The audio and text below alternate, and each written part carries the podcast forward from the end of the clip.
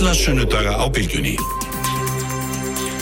Komið sæli hlustundu góðir, þá heldum við að staða hér á Sprengisandinum í dag Ragnar Þór Pétursson sem er formadur, eða fráfærandi formadur kennarsamhansins verður hérna í lokþáttur, ætlum að þess að fjallum mentamáli núna í svona aðranda kostninga, þau hafa fyrir lítið verið til umræðum eða hvað allir eru saman með eða hversu sammála allir eru um það, þau séu það mikilvægasta sem að hérna, framöndan er, getur við sagt, uh, þeir verða hérna, hann verður hérna Gilvi Magnússon, professor í Hagfræði, ætlum að fjalla þannig um lífeyrismál, uh, öldrun, þess áttar, hérna, Hjúgrun Heimili, hann hefur verið að skoða þessi mál mjög rækilega og hérna Þetta er þetta eitt af þeim málum sem brennur á okkur svona til næstu ára og ára tuga. E, þeir verða hérna Simundur Ernir Rúnarsson og Andris Magnússon, bladamenn, e, fjallum þá um ströymastefnur í kostningabortunum svona eins og þeir sjá það með sjá það var á sínum sjónarhóli en ég ætla að byrja hér með þeim Halldóri Benjamin Þorbergssoni og Drífu Snædal sem eru fór frangvöldstöri Sandakatulísins og fórsti Alþjóðsambands Íslands veriði velkomin bæðið tvö og sælblössuð. Takk hjá Takk fyrir. Sko þarna Uh, ég myndi vilja lega mér halda því fram að svona kostningaborðna vegna sem hún hefur verið stutt og, og hérna, vegna þess að ríkistjórnin síðasta er svona breið ríkistjórn, hún er bæði vinstur og hægri og, og, og miðjustjórn einhvern veginn í leðinni að þá hefur komið svolítið í annara hlut að sláta aldrei taktin og svona, og það hafi þið bæði verið ábyrrandi, bæði með stórum fundum og eins hérna með alls konar málfnavinnu skýslum, skattaskýslum hérna, meðal annars hjá ykkur alþjóðsambandinu og það voru heilbriðismál þingja okkur báðum og svo framvegis sko, hérna Hvað, hvað er mikilvægast að eitthvað mati núna? Hvað, hvaða ákvarðanir, og þú byrjaði að drífa, hvaða ákvarðanir þarf að taka núna í kjálfarkostninganum? Já, það eru svona okkur mál sem eru brínust og við svona ákvaðum að, að hérna, gera okkur gildandi uh, þegar við vorum búin að skoða það hvað skiptir fólk okkar félagsmenn mestu máli. Þannig að við ákvaðum að, að hérna, keira það og, og svona stilla flokkonum upp uh, gagvart því að, að svara hvað, hvað er ætlað að gera uh, í því sem brennur á launafólki. Alltaf skiptir launafólk alveg rosalega máli hverju sita við ríkistjóðaborðið. Eh, það eru lausir samningar næsta ári um, og hérna og við munum eftir því í lífskjærasamningunum að þá skiptir sköpum eh, að koma stjórnvalda og er breytt skattkerfið, barnabættur, fæðingarólofið og svo önnur ímismál sem að, sem að svo sem hluti ekki breyta geggi og, og náða ekki að klárast eða var ekki viljið til. Uh, en hérna Það er ekki bara sko það húsnæðismálinn og helbreyðismálinn, uh, skattamálinn og afkomu öryggi skiptimáli eh, heldur um, er það þannig þegar það er kreppa, það er kannski ekki ákvarðarna sem koma strax í kjölfar kreppuna sem skipta máli heldur svona tveim, þreim árum eftir kreppu. Uh, hvort að það er að vaksa út á kreppunni uh, eða hvort að er að fara í einhvern niðurskurð eða eða skattahekkanir eða eitthvað slíkt og hvernig þær skattahekkanir verða. Eh, þannig að það er svona afdrifa ríkar ákvarðanir framöndan mm -hmm. sem skiptir máli. Eh, það sem vakti fyrir okkur að stíga svona fast inn í kostningabortuna eh, er að koma þeim málum á dagskrá sem að skiptir launafólk máli og að hvetja okkar fólk til að kjósa, sem skiptir máli líka upp og líðræði bara Uh, og að fólk hafi svona skýrari mynd af því sem að, sem að flokkarnir uh, vilja og snerti launafólk sérstaklega mm, miklu máli. Mm, mm, Haldur því hafið hérna meðan ASI hefur sagt að það er nóg til þá hafið þið verið með slagvarðið höldum áfram hverju eigum að halda áfram? Ja, er þetta höfum... príma gott eins og það er og við höldum bara áfram á sömu braut eða eru þið að byggja um áfram í einhverja tiltekna átt? Ég vil ekki meina að sko samtök aðlýsins breyti sínum málflutningin eitt sérstaklega í aðdraðanda kostninga. Við reynum að halda uppi að blöfa málflutningi bara áraðum kringburt sér frá því hvort það er kostningar eða ekki. En það er rétt sem þú segir að við stíðum kannski aðeins fast þar inn í þetta á síðustu vikum og mánuðum og þetta er kannski markast að því að á undaförnu við verum á ferðum landið og haldið fjölda að opna funda með félagsmönum okkar og bara almenningi. Og það er raun sama hljóð sem við heyrum allstaðar sko. Það er allir að koma út úr kófinu og menn sjá tækifæri við það í atvinnulífinu og auðvitað er það atvinnulífið hringin í kringum landið sem eru grunnurinn af þessari verðmætasköpun sem við erum að fara, sem er markmið okkar allar á næstu árum og þessi viðspyrna, það þýðir ekkert að tala um viðspyrni í hagkerfinu nema þegar við horfum inn í fyrirtækin hringin í kringum landið og þá atvinnu uppbyggingu sem á sér stað þar. Og ef þú spyrir mér núna og krefur mér svara um hvaða mm. eina mál er það sem ætti að ræða í, í aðranda kostninga mm -hmm þá getum við litið aftur til dæmis til ásins 2016 eða ásins 2017 þar sem það var kostið til alltingis líka. Og við sjáum að því sem nær færist kostningum þá fara efnahagsmálinn og atvinnumálinn alltaf að fá meiri byrjundir báða vangi og hvers vegna skildi það nú vera? Jú og endanum þá þurfa kjósendur að gera upp í sig hvernig þeir alltaf verja atkvæðið sín á kjörtag og það er óskup mannlegt og eðlilegt að við veltum fyrir okkur. Hvernig er ég að fara að styrkja mína stöðu hvað mest og hvernig á ég að kjósa til þess?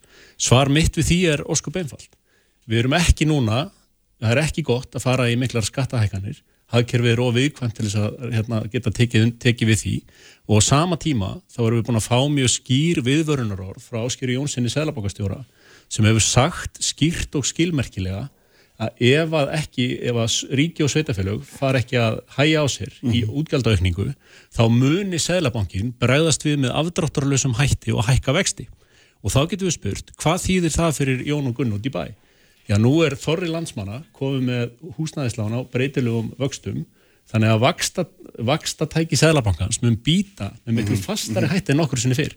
Og þess vegna segi ég, við þurfum að tryggja að vaksta stíð sem við sömdum um í lífskjærasamningunum var eitt af megin markmiðu lífskjærasamningsins að skapa forsendur fyrir læri vöxtum að við missum það ekki frá okkur heimili landsins munum fá það markvallt í hausin mm -hmm.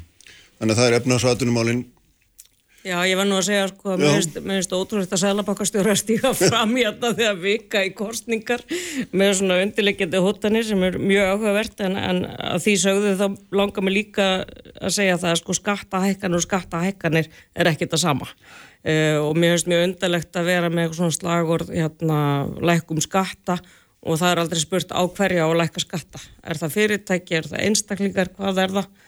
Uh, en við vitum hins vegar sko skattamál eru þó að þau einu sér sé ekkert mjög spennandi að þá er þau náttúrulega undistað fyrir það hvað við getum gert í þessu samfélagi.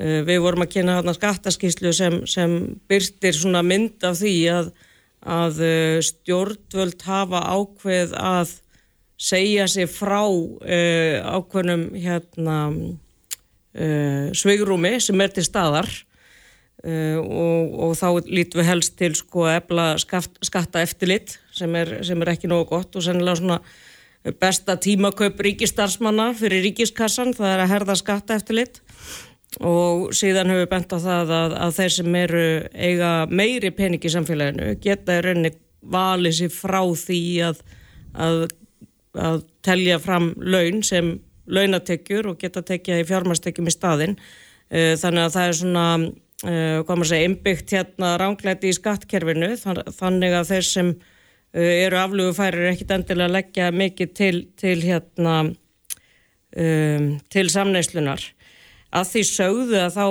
veldi ég fyrir mér að því ég er nú búin að vera að fara hringverð um landi og hitta félaga og, og stjórnir aðeldafélaga okkar. Og það stendur upp úr öllum húsnæðis og heilbreyðsmál mm -hmm. og það er meiri segja þannig að á sumum stöðum hafa fyrirtæki áhuga á að byggja þessu upp en geta það ekki að því það er ekki til húsnaði fyrir starfsfólkið. Uh, þannig að þetta myndi ég telja að væri sko sameilegt markmið atunreikata og launafólks, það eru húsnæðismálinn. Uh, traust, örug, ódýrt húsnæði mm -hmm.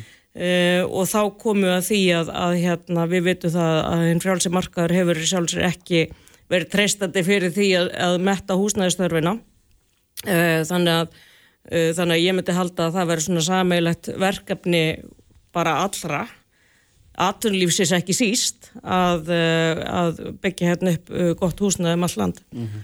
því að þetta er mjög áberandi Já, en á því að sko tali best að sköttum sem eru mitt uppáhaldsöfur þá verði ég eiginlega að fá að koma að sinna mm. ég, sko ég við drífa ræðum oft skatta og við erum ekki sammála þar og ég get bara ekki tekið undir þá greiningu sem að aðeins ég er að byrta á skattkerunum. Þess að tölur liggja fyrir sko og við þurfum ekki að vera að fara í gravgötur með að einhver aðileg þurfa að tólka þér eftir sínu nefi. Ef við horfum bara að tekið skattskerfi einstaklinga þá verðum við bara viðkenna að svona jöfnunar hlutverk þess er mjög mikið. Það er ekki nóg að spyrja hvað greiði við í skatta til ríkisins. Við skulum gleima útsvarinu hér að að bara flækir myndina heldur verðum við að spyrja okkur, fyrir þessa skatta eru alls konar tæki, vakstabætur, barnabætur og aðrar bætur og ef við spyrjum okkur einfallega hvað er hver einstaklingur að greiða inn og hvað fær hann út á móti þá er tekju jöfnunar hlutverk skattkerfisins ótrúlega mikið og hefur vaksið mikið á undanförnum árum, hversu mikið kynna ykkur að spyrja? Já, ef við, tökum, ef við röðum öllum skattgreðundum, tekju skatts í röð þá, þar sem að sá lægstiða til vinstri og svo hæstiða lengst til hægri mm. allir þeir sem eru fyrir neðan miðju, þeir eru nokkur veginn á pari, það er að segja það sem þeir borga fá þeir tilbaka í gegnum þessi tekjujöfnunartæki ríkisins sem er þessu stóru millifæslu kerf okkar og það er ekki rétt sem að drífa segir hér að þessi skattbyrði hafi hliðurast á undarförnum árum á kostnað þeirra sem eru á lægstulunum. Þessu er einmitt öfugt farið. Það er að segja, þeir sem eru með hæstu tekjurna réttilega bera lang hæstu skattbyrðina. Hversu langt er þetta þá að fara aftur því ég hef nú séð útreikningar sem að einmitt gangi gagstæði átt Já, en þeir, þeir útreikningar hins vegar eru því marki brendir mm. að við erum með það sem kallað er progressíft skattkerfu. Hvað þýðir það? Já, eftir því sem tekjur hækka þá þingi skattbyrði. Og það sem hefur gerst á undarförnum árum til all, öllu heitli sem er gott í gegnum kjærasamlingarna síðast, þar áður og þar áður er að við höfum hækkað laun fyrir að lægst launuðustu hlutvarslega meira en annara sem þýðir að fólk er að hækka hraðar í launum en skattbyrðir er að vaksa sem þýðir á íslensku, hagur þeir er að vangast sem er jákvægt mm. og þetta er svona kjarni málsins En er, erstu að segja okkur það, að, að, að, þitt maður sé það að hagur láluna fólksins hafi batnað en, en hátíki fólksins ekki því þetta er þvert á útreikning allir með Stefáns Ólarssonar svo dæmi og tekið Ég er að segja að hagur látikið fólks hefur batnað já mm. og skattbyrði þeirra sem eru með hæstulönin hefur farið vaksand á undanfærtum ár. Mm. Það er eilift verkefni og verður verkefni okkar drífu næstu ár og ég segja nú kannski ekki ára tug en allavega næstu ár að halda áfram að bæta hag hennar lægsettu og hagur þeirra hefur vangast mjög mikið mm. undanfærtum árum mm. og drífa á verkefnisreifingin á stóran þátt í því. Stjórnvöld hverju sinni hafa líka átt stóran þátt í því en svo drífa saði við gerð lífskjara samlingana komu stjórnvöld inn með þætti sem skiptu bara verulegum ári til þess að klára þessa kjærasamninga. En það breytir því ekki að í öllum samfélagum sem við horfum til þá er erfist, erfiðast að vera í hóknum sem er lægst launaðastur og það er það allstaðar í heiminum. En verkefnið er alveg skýrt á næstu árum og það er það að bæta stöðu þessa fólks og með samhendu átaki eigum við að geta gert það. En við gerum það ekki með því að fara með umræðuna út í einhverjar öfgar. Við gerum það ekki með því að tala árangur okkar allra niður á undanförtum árum. Mm -hmm. Það er gott að búa á Íslandi og í mínum huga eiga þessar kostningar að snúast um það að við höldum áfram að taka lítil en jákvæð skref í rétt átt mm -hmm. til þess að bæta lífskjör allra og ég held að við drífa ættum að geta verið sammálu um það. Ertu er að segja að öfgarnar, er það málflutningur allþýrsamannsi þessu eða hvað hva er? Mér finnst það að vera öfgar þegar að aðal umræðan snýst um það að hér sé hræðileg staða já, meiri hluta manna á Íslandi. Og þetta er einfallega umræða sem við sjáum mjög víða. Tölurnar rýma ekki við þessa umræðu. Og ég er að segja það hefur gengið mjög vel að styrkja hag þeirra sem eru á lægstu launum í samfélaginu undanfærtum árum. Og ef við bara lítum á mælikvarða sem enginn getur efast um þá sjáum við að kaupmáttarleðrétt eru að borga hæstu laun innan OECD við erum að hæstu meðalun innan OECD mm -hmm. og hvernig getur ykkur hort í augun á mér og sagt já, hér hefur bara ekkert verið gert. Mm -hmm. það stennst ekki skoð Já. Já, mér er svolítið undarlegt þegar sko Haldur Benjamin segir mig fyrst hvað ég hafi verið að segja, sem ég var ekki að segja og leggur síðan út frá því. En gott og vel. Hérna um, það er talað um að við séum með hæstu laun hérna, við erum líka með hæstu greiðslur. Og þá náttúrulega berum við niður í húsnæðismarkaðinu fyrst og fremst og þess vegna vil ég segja að það sé eitt af stærstu málunum framöndan Eh, við sjáum það að eh, með uppbyggingu félagslegs húsnæðiskerfis að þá er fólk kannski að létta greiðslubyrði sína um 100 skalla mánuði í leigu og munarum minna þannig að sko þrýstingurinn á að hækka lagstu laun uh, hérna verður ekki jafn mikill þegar fólk hefur, hefur möguleika á því að vera í öryggu húsnæði á þess að þurfa, hérna, uh, þurfa að greiða fyrir það uh, tvo þriðu hluta tekna sinna. Síðan er náttúrulega önnur mál sem sko er ekkit að fara frá okkur og eru stórmál og það er bara afkomuður ekki heild. Eh, það hafa verið að byrta skýslu um sko, stöðu örkja sem er skjálfileg og, og hefur ekki náðust að taka á og, og einhvern veginn er það orðið náttúrulega mál í okkar samfélagi ef þú ver, verður fatluð þá hérna því það e, fátækt. E, við höfum svona síðust ár gaggrínt það að um, við erum með vannýtta skattstofna. Við, erum ekki, við höfum ekki verið að sapna til mögur árana, við höfum verið að hérna, vannýta skattkerfið.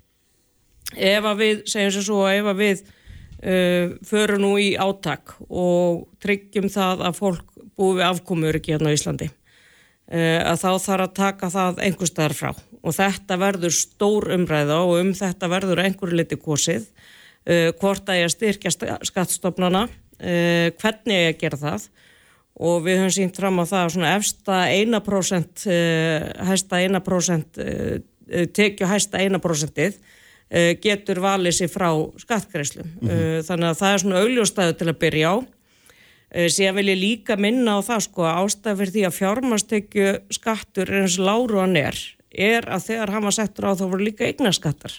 Eh, saman talið, fjármastekju skattur og eignaskattur, var svona slefað upp í hérna launaskatta.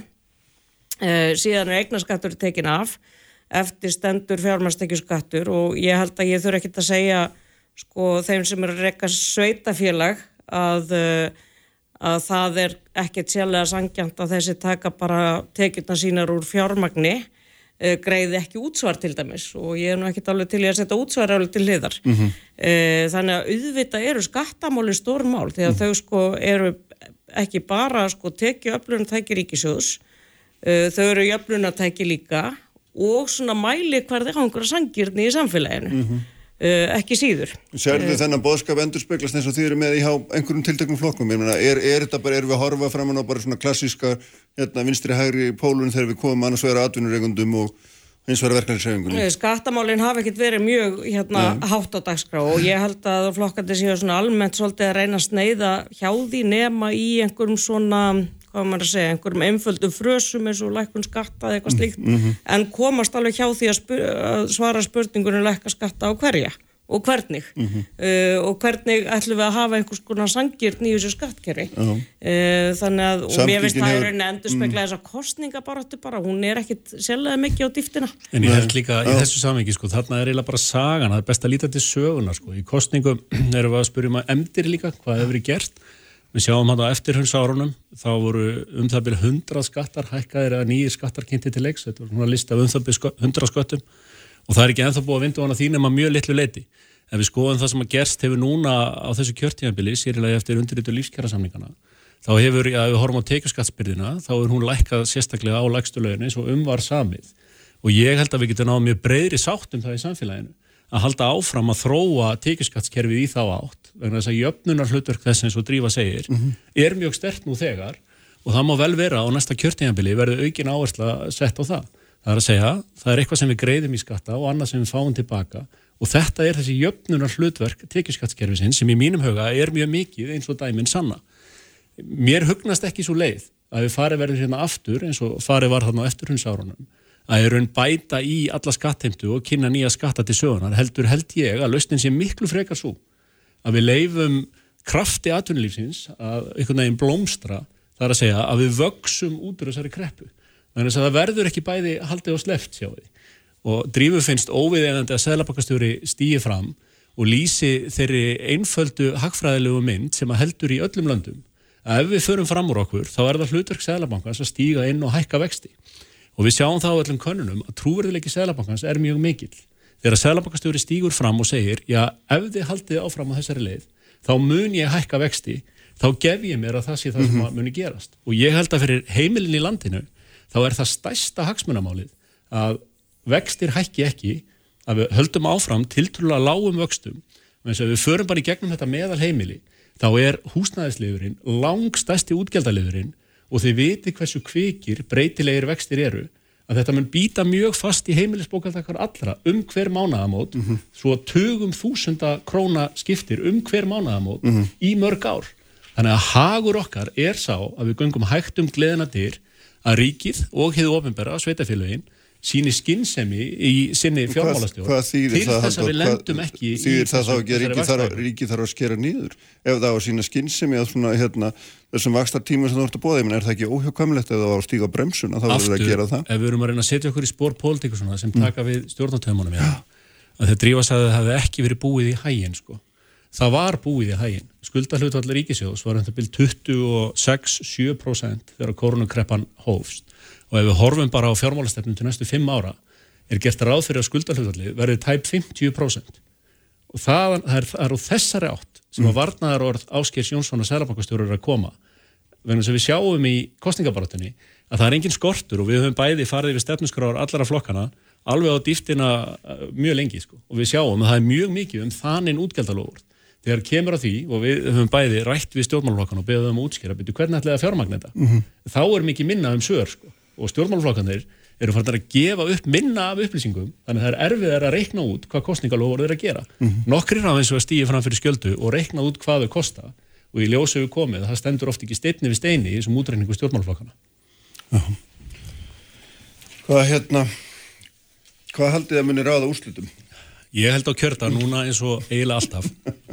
Þá muni fólk hugsa í svona nærumhverju og það muni kjósa, það stundur sagt að fólk kjósi með veskinu og það muni velta fyrir sér hvaða flokkar eru líklegir til þess að koma í veg fyrir að húsnæðislánu mitt hækki, að vextir hækki mm. og ég geti fengið eitthvað fyrir sjáleika í líf mitt.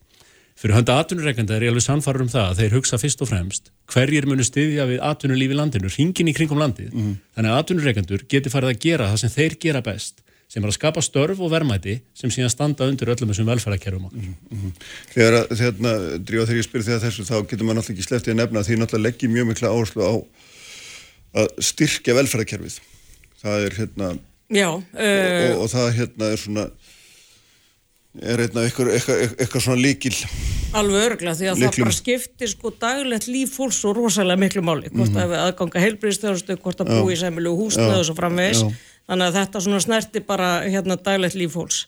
Um, ég var svolítið erfitt með að greina einhvern veginn kostningabortuna hvað verður mikilvægt eða ekki af því að það er mjög svona áþekk stefna mjög margra flokka og þá er ég að hugsa svona miðju til vinstri flokkana að, að það eru fá mál sem, sem skilja á milli þeirra flokka. Uh, þegar þannig er ástatt að þá er tilhengi svo að, að fólk fari frekar í hverjum treystur, hverjum, hverjum treystur til þess að setja á stjórnvölinn, hverjum, hérna, hverjum treystur til þess að setja þetta ottin í stjórnamyndunum mm. viðröðum og svo framvegs. Þannig að ég held að, að það verði einhver leiti personukjörum og sér það bara auglýsíku flokkana. Þeir, bara, þeir, þeir keira á personur miklu, miklu meira heldur náður. Uh, þannig að ég held að það skipti máli svona einhver tilfinning bara. Þú veist, mm. treyst í þessari mm. mannesku. Mm -hmm. um, þannig að... Um, hvað, þú veist, ef ég spyrir bara beint, hvað hva, hva, hva myndi hugnast launafólki besta þínum að því? Hvað er það sem að, hver er líklegastu til að standa vörðum um réttindi þeirra? Sko, við, við höfum ekki hvart fólk til að kjósa einhver einstakaflokka. Uh, við höfum hins vegar reynda að dyrka fram hérna, stefnu flokkana í þeim málun sem við vitum að skipta fólk mestu máli. Uh, þannig að ég ætla ekki að segja að launafólki kjóstu þennan flokku umfram hinn mm -hmm. uh, en, hérna, en okkar hlutverk var svona að kynna stefnu flokkana reyna að ná samtali millir launafólks og stjórnmálar. En, en í klassiska samband alþjóður hefingar en alþjóður samband sem við vinsturflokkana, er það tínt og tröllum hérna, gefið eða hvað? Um, sko auðvita eru einhverju flokkar sem eru í nánunari sambandi við verkefælsefinguna heldur en aðris og það eru flokkatir frá miðið til vinstri mm -hmm. uh, það er þannig, hins vegar hefur okkar reyfing hérna á Íslandi verið öðruvísi heldur en mörgum öðru löndum, það er ekki einhver tengs, tengsl við einhvern ákveðin stjórnmálflokk mm -hmm. eins og við sjáum í hérna á Norðurlöndun þannig að við svona, já, uh, ef, ef við lítum á þessi, þessi klassísku mál sem, sem hérna skiptir launafólkmáli, aðgengi heilbríðstjónustu, aðgengi húsnaði, allt þetta krefst svona félagslega þengjandi lausna. Mm -hmm. Eh, þannig að ég skilvi það þar. Já. Ég held svona í húsi aðtunulífsins er hátt til oft svo víti veggja. Undan höfnum tíu dögum við hitt fórstum með allar flokkana og við fengjum svona í kaffespjall Já. og skila búið okkur og sko einföld og skýr. Mm -hmm. við erum tilbúin að vinna með öllum flokkum að framgangi í góðra mála. Þetta er sköruninn mismikil á milli flokka en við meinum það sem við segjum. Þeir flokkar sem eru tilbúinir að styðja við þrótt mikið aðtunulíf þeir flokkar sem eru tilbúinir að styðja við valfrelsi einstaklinga bæði í mentamálum og heilbreyðiskerfinu þeir einstaklingar, þeir flokkar afsakið sem eru tilbúinir að létta álöfum af fólki og fyrirtækjum. Samtök aðurlýfsins eiga samleið með þeim flokkum mm. og við erum tilbúin að vinna með þeim að framgangi í góðra mála á nýju kjörtjafili. Það er ekki bæði hægt að létta álöfum öllum og vera með tröst uh, félagslega, trösta félagslega innviði. Þar greinur okkur stórkostlega ádrífa. Það þarf eitthvað hérna gefa. Já, það er náttúrulega bara eitt af þessum klassísku málum sem við erum að taka stáðum núna hvernig við erum að haga þessu mm. skipulagi nákvæmlega en ég minna, Haldur, þú ert ekki að Þú ert ekki að lýsa bara einhverju almennu viðhörðu, þú ert að lýsa náttúrulega annars bara stefniskra sjálfstæðisflokksins. Nei, nei, ég er ekki að því. Ég get tekið undir með mörgum flokkum og eins og ég sagði, ég hef hitt þessa flokka mm -hmm. og mhm. farið yfir þessi málmenn mm -hmm. og það eru fjöldamarki snertifleitir á milli áhersluna samtaka aðunlýsins og annara flokka. Ég segi eins og að við því að því ég er heiðalegu maður, þeir eru mismiklir, mm -hmm. en við vinnum með öllum flokkum og gerum það á þingi og munum gera á næsta þingi líka. Mhm. Ljómandi, við skulum hérna segja amen og eftir efninu að sinni takk fyrir að koma bæði töp og þeir verða hérna hjá mér Sigmundur Ernir og Andris Magnússon haldum áfram að fjallum kostningarnar kannski aðeins frá öðrum sjónarhólu. Takk bæði töp. Sprengisandur á bylgjunni alla sunnundasmórna. Sprengisandur, alla sunnudaga á bylgjunni. Sælhefturlustundur, þau eru farin frá mér Dríva Snædal og Haldur Benjamin Þorbergsson. Um, hérna, uh, hjólatunulífsins eins og sem við myndum kallaði. Þeir eru sestir hérna Andris Magnússon og Sigmundur Ernir Rúnarsson, sjóaður bladamenn og rittstjórar báðið tver. Velkomnir. Takk. Takk fyrir ílega. Og þarna sem að marga fjörun og svobeins að satt er og mér langaði svona að taka húsaukur um, um þessa kostningabaráttu og svona stöðuna og þess að þetta er hérna Andris ef við byrjum kannski aðeins hérna morgunblæði byrti bara rétt fyrir skömmu nýðustöðu nýrar konunar þar sem að hérna, hún alltaf ekki vakið mikla gleði árið stjórninni það skrifa fyrir sögnuna hérna, vinstri bilgja í kortónum Ég veit ekki, við blaðum ekki allir eins? Við fögnum um því En hvað hérna já, hvernig lestu þessa stöðu núna? Ég meina ég les held ég bara mjög svipað á aðrir að hún er mjög óviss þessi kostningabarta fór ákaflega sendt af stað ekki bara á, á, af hálfu flokkana það voru líka bara kjósendur voru segna að taka við sér, menn voru að sinna öðru koma sér út á COVID og maður heyriði svona víða við hvað ég byrju, þar ég alveg að fara að hugsa um þetta núna og eitthvað svona. En uh, svo fann maður það fyrir kannski rúmri viku að uh, fólk sem að tala hefði það var svona að setja sjálft sig í gýrin, já já núna þarf ég að fara að taka afstöðu til þess. Mm -hmm. og uh, Ég meina við Stefán Einar Stefansson uh, höfum verið með uh, viðtölu formennina á dagmálum sem eru svona óvinnileg viðtöla til, til að þau eru ákaflega löng, geta verið einn og halvu tími ef við erum að skipta og við fengum alveg feikilega fín viðbröð við það frá alls konar fólki, ekki bara þessum hérna vennilögu grunnuðu heldur líka bara sko hérna fólk sem er ekkit mikið að spá í, í stjórnmál. En sagði ég finna núna þar ég að gera og þetta mm. er fínt innlegið það mm. þannig að sko kjósendur finna til ábyrða hvað það varðar og þá gerist það sem við sáum í þessari síðustu konuna fylgi fyrir loksins að stað vegna þess að gleymi því ekki það hafði bara vallar hreifst í, í meirin misseri og þetta er bara sósilistar sem gáttu svona stert sig á því að þeir hefði verið að bæta ykkur við sig en allt hitt var bara búið að vera einan vikumarka Já, já, já, já. svona nánast eins og her, hertalinn reitt látins manns Ég svolítið mikið sko já. og uh, En síðan sjáum við það sem síðan núna í þessari konun sem að var gerð e, í liðni viku hérna fram á fyndag, eða fram á förstudag að, eh, að þá loksins fér eitthvað að reyfast og ég hugsa allir mis að eh, forstræðara Katrín Jakobsdóttur, hún hafði nú fagnat því að þeir e, hefur verið að mæla sko að vinstir græn væri í 10,5% 10,6%, 10,4% allt vikmörg og bara ekkert gerst og alveg sama hvað hann gerði eða hvað var í gangi í þjóðfélaginu en núna lóksins gerðist það. Mm. og það gerðist hjá fleiri vinstriflokkum, það voru vinstriflokkarnir sem var að bæta við sig, við höfum séð að miðjiflokkarnir hefði aðeins bætt við sig vikuna áður. En uh, þetta var svona staplast svolítið til vinstri þannig að uh, maður verður að taka marka á því að það er eitthvað að gerast þar. Við getum dilt um einstakar kannanir hversu áræðanlega er séu og vikmörkin geta verið há hjá þessum minni flokkum en uh, þarna er eitthvað sem er öruglega í gangi Já. Hvernig leist þú þessum þurr?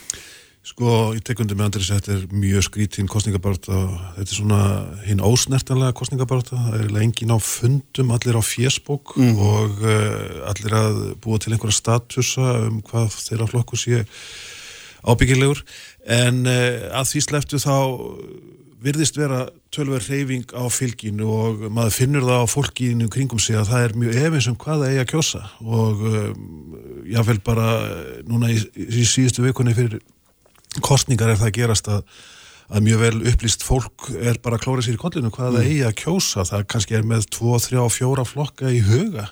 Og uh, þetta verður ekkert verið vaninn á undarleinum áratögum fylgi hefur verið miklu fastara við flokka en þetta er að breytast. Eh, ef til vil vegna þess að flokkum hefur fjölgað að mun og gamli fjórflokkurinn er uh, í líkistunni ef svo má segja vegna þess að hann mun ekki koma aftur tilbaka, rýsa upp frá döðum og um, það áengi lengur fast fylgi ef svo má segja, ég vil ekki stæstir flokkurinn sem enn er stæstur vel að merkja sjálfstæðarflokkurinn fasta fylgi hans er að stórum hlut orðið fljótandi og þannig á það við um aðra flokka. Þeir hafa verið að reyfingu, við sjáum að til dæmis eh, samfélkingin hefur að færa sig til eh, vinstri viðrestna, einhver leti inn á miðjuna. Og uh, það má reynda líka segja um sjálfstæðarflokkina, hann hefur líka verið að færast svona frá þessari frjálshyggju átt í kannski í hefðbundnari svona á vissanátt íheld saman hægri flokk miðflokkurinn hefur áttur á móti verið að færast svona utar á hægri vangin í þjóðverðnisátt þannig að allir flokkar hafa meira að minna verið á svolítillir reyfing og að fóta sig mm -hmm. í þessu nýja umhverfi nefn vera að kynni framsunarflokkurinn sem hefur ekkert endilega þurft að breyta sjálfins sér og mér finnst honum líða einna best af flokkum landsins Uh, og að hverju ekki bara kjósa framsókn? Þetta er kannski besta slagvorðið nú um stundir.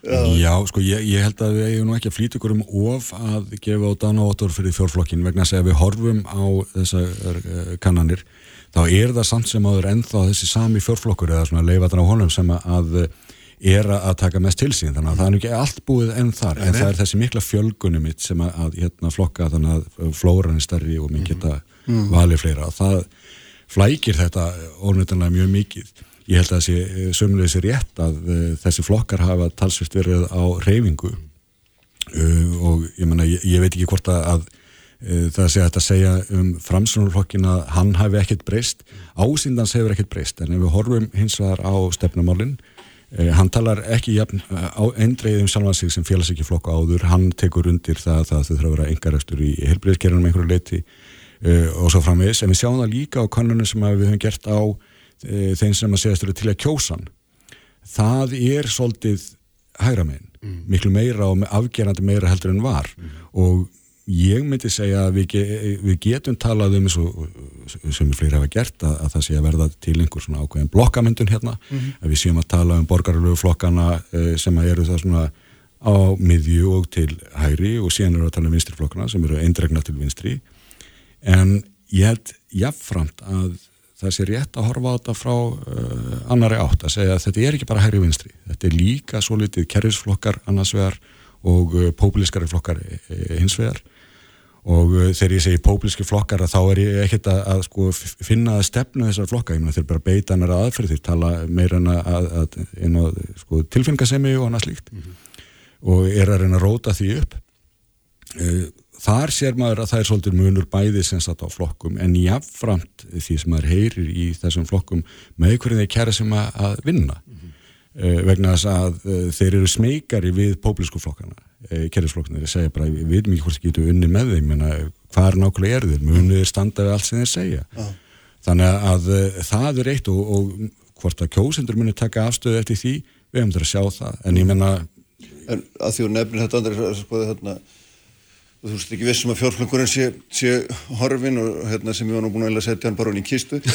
En, hérna, en sko það, eftir hrun hafa orðið gríðarlegar breytingar. Mm. Og það er endur speglast að einhverju leiti í þessum fjölda en líka einhvern veginn er það ekki bara í stjórnmálun sjálfum hvernig þau eru reygin og, og hvað það er svona markalíndunar orðnar ólísar og, og, og þess áttar sko. Við erum einfallega í mjög breyttu samfélagi frá því sem var fyrir 30, 40, 50 árum e, þó að sé ekki nema vegna bara kvennfrelsisins Þó að sé ekki nema vegna tímans. Ég meina 1940 þá sagður viljum við að gerbreytta samfélagi frá árunni 1900 ja. og ef einhverju hefði sagt þetta það er bara að horta á hans að já og? Nei og ég til dæmis sko hef sagt að það sé kannski konunum ekki að kenna heldur konunum að þakka flokkakerfið breyttist til frambúður upp úr 1980 við sáum sko áratögin þar og undan gerðist svo óbóðslega margt með kvennafrídeginum og kjöri viktísar og svo stofnum kvennalistans 1983 þá svona byrjaði fjórflokkurinn að linast í sundur og hefur ekki séð sólina síðan í þeim mæli sem hann var. Hann var svona festa í íslensku stjórnmálum. Uh, núna eru flokkarnir á þingi annarkort 7, 8 eða 9 og ef þeir verða nýju þá er það í rauninni Íslandsmöld og við erum að sjá miklar breytur í því að, að sko tveggja flokkastjórn sem var við líði sko lengst af síðastu halvu öldina er óhugsandi þryggja flokkastjórn jafnveg líka. Þannig að við erum farin að horfa á fjögur af flokkastjórn og menn spyrja sig er það politísku möguleiki? Ég segi já. Við þekkjum þetta frá Reykjavíkuborg þar sem að stamstarf uh, Reykjavíkumótelsins hefur verið að mínum viti farsælt, það hefur ekki verið mikið um stórkoslega klúður á þeim bænum. Segðu þeim frá því fórsáskóla Já, við getum talað um miklu og, og, og, og annað, annað, það, það er kannski eina máli sem hefur verið sko virkilega erfitt fyrir undir það samstarf Uh, en uh, ég held að það sé komin tími núna á sko önnu stjórnmál heldur að við höfum þekkt uh, sko tveggja flokka helmingaskipta stjórnar eru að baki og, og pólitíska mm. samtal þvert yfir flokka er að verða miklu meira og eðlilegra mm. En er, þetta er minnstur sem við höfum sjáum frá í Norrlandunum, mm. á Norrlandunum en það er líka alveg skýrblokk og það ertu líka alltaf með það að blokk er við völd og þú ert með fórstræður og svo ert með fórstræður efni hinn með frá. Við erum jafnvel farin að sjá breytingar þar á. Já, já, má vera, en þetta er alveg, þetta er engin leið fyrir kjósundur á Íslandi mm. að velja á milli fórstræður efni og svo dæmis í teki, það er alveg útilókað. Nei, þú, það er mikið hæftrætti, hvað er þetta í því öllu og En þannig er þetta eitt sem er rétt að hafa í huga þegar mann tala um fjórflokkin, það hugtak var að sjálfsögðu alltaf búið til að nota það fymtaflokknum. Mm. Eh, hér var sjálfnast fjórflokkur, það var talað um að það var kannski fjóru og halvur flokkur eða svona voru nýframbóð komin. En eh, ég held að eh, sko ef við horfum yfir eh, sviðið og því nefnir Norðurlandin, mm. við getum alveg hort lengra sko en bara til Norðurlanda. Við sjáum það að í, í heiminum öllum mm. Þá hefur populismin verið að rýsa undanfærin ár og það væri nú bara eitthvað skríti það gerist ekki líka í einhverju mæli hér á Íslandi. Mm. við sjáum það núna í Europalöndunum þar er bæði á Norðurlundum og í Þýskalandi og mann sínist að það sé uppsiglingu í Fraklandi uh, það er bara alls konar að fara að ske. Mm. og ég mig grunar að við séum svona hluti af því eitthvað. Fyrir okkur í Íslandika ég menna þinn að þú hruni hérna áðan það er svona mjög góður leiðarsteitt fyrir okkur að því að okkur fannst svo mikið gerast þar og þá. Og uh, út í Európu tala minn líka um 2008 að það hefur ekki gerst. En mér finnst eins og það sé loksins að breytast aðeins á Íslandi að minn sé ekki að nota hrunið sem endalösan referensi í sko öll mál. Uh, og þar hafi veiran komið inn, ég vil komið nýjan svona stað til þess að miða við. Við vitum að við erum lengur komin yfir hrunið efnaðslega en kannski ekki í sálinu okkur alveg mm en uh, það kann að vera breytast núna og það kann að vera hlutið þessu nýja veruleika sem að, að við blasir og, og við þurfum að vinna úr og, og mm. ég menna að stjórnmálaflokkanu þurfum að gera það líka uh, þegar við síðan horfum upp á mena, hvaða stefnumál eru flokkarnir að setja fram uh, það er eins og vandir á Íslandi að, að það er miklu minna bíl þar á milli heldur maður gæti ætlað mm. menn tala sig fyrir kostningar svolítið upp í það að þeir séu ákaflega anstæðir hverjum öðrum og síðan verður allir búið að hissa þegar þeir kemur ljósa að geta unni saman eftir kostningar en ég minni ykkur bara á að, að eh, sko, fyrir síðustu kostningar þá, þar síðustu reynda kannski frekar að þá var Vafki og sástaflokkurinn að tala sig alveg rosalega upp hverja mótu öðrum varðandi útgjöld og hvernig er alltaf að afla teknan og svo framvegis. En þú fórst og taldir mm -hmm. fórst og taldir bara útgjöldin þá komur ljósa munurinn á hugmyndun þeirra var kannski 30 miljardar sem að í, í sko, öllu samiki er kling Já, já En, en við sjáum líka breytingarna sko víða í heiminum, ég get nefnt til, til dæmis Þískaland, sko. Angela Merkel, eh, svo merki stjórnmálmaður hefur fært sko kristilega demokrata í átt til frjálslindis á, á sínum tíma, svo eftir hefur verið tekið og nú er mér bara einfallega að tala um það af alvöru að sko næsta stjórn í Þískalandi geti verið sko jafnaðamenn og græningar eða kristilegi demokrater og græningar eða ég vil jafnaðamenn og kristilegi demokrater sko þessi umræð er að vakna víðast hvar í heiminum að samstarflokka þvert yfir sko hefðbundnar výlinur mm. eru orðnir uh, pólitískur möguleik og við sjáum þess að hér á Íslandi þegar að AFG og sérstaklega takk upp samstarf með framsvonarflokkin sína á milli að, að þetta hefur tekist farsælega það eru ekkit endilega mörg sko svona alveglega vandamál sem hafa komið upp í þessu stjórnarsamstarfi auðvitað hefur svona verið núningur um umhverjismál og heilbriðismál sem er eðlilegt, það er eðlilegt að sé einhver mm -hmm. núningur í politík, svo þannig væri en e, þetta er stóra breytingin bæði hér á Íslandi og í löndunum með kringum okkar að samstarf ólíkra flokka er mögulegt. Þetta þótti óhugsandi fyrir nokkrum árum og áratugum og, og þetta er breytan sem, sem við horfum á í mm. dag. Hvernig en er það ekki vegna að mann hafa færst svo mikið sko í mitt nærkvært öðrum og hefur frjálslinda líðræði hefur svolítið unnið. Já.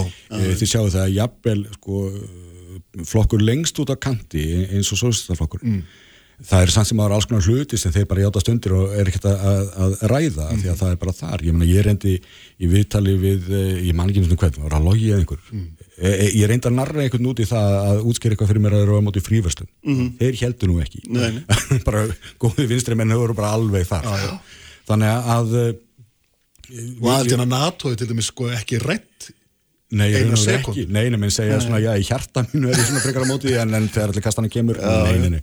Nei, ég spurði Katrín Jákstóttur fyrir fjórum árum eða fimm mann ekki hvort það var að því nákvæmlega hvort að Vafki væri þeirra skoðunar að ef að aðelda NATO væri semst ekki út úr myndinni í ríkistjóðna myndi bara segja nei, takkum við mikið með. Hún var alveg hissa. Þetta bara förður spurning Já, en, já, en, en hún er ég með standart svar, sko, hún segir bara við stóðum að þjóðurvísarni, við munum standa við hana já, en sko það sem er náttúrulega líka þegar, er, við erum að tala um þessa svona að lítið þókukendu mynd að þá erum við alltaf líka að tala um það að menn þurfa auðvitað að gefa eftir prinsip. Og, ég er ofta að reyna að fá einhver prinsip, hvað er prinsip hver, hversu langt er þetta til í að ganga? Og núna í augnablikinu er bara píratar sem eru með þetta prinsip og það er nýja stjórnarskólan þannig að þeir eru búin að mála svo út í hotna algjörlega því engin annar er með og sa samfélkingin hefur vissilega út til okkur Já, hún hefur sjálfstæðarflokki gert það, já, sem er ákveðið prinsip er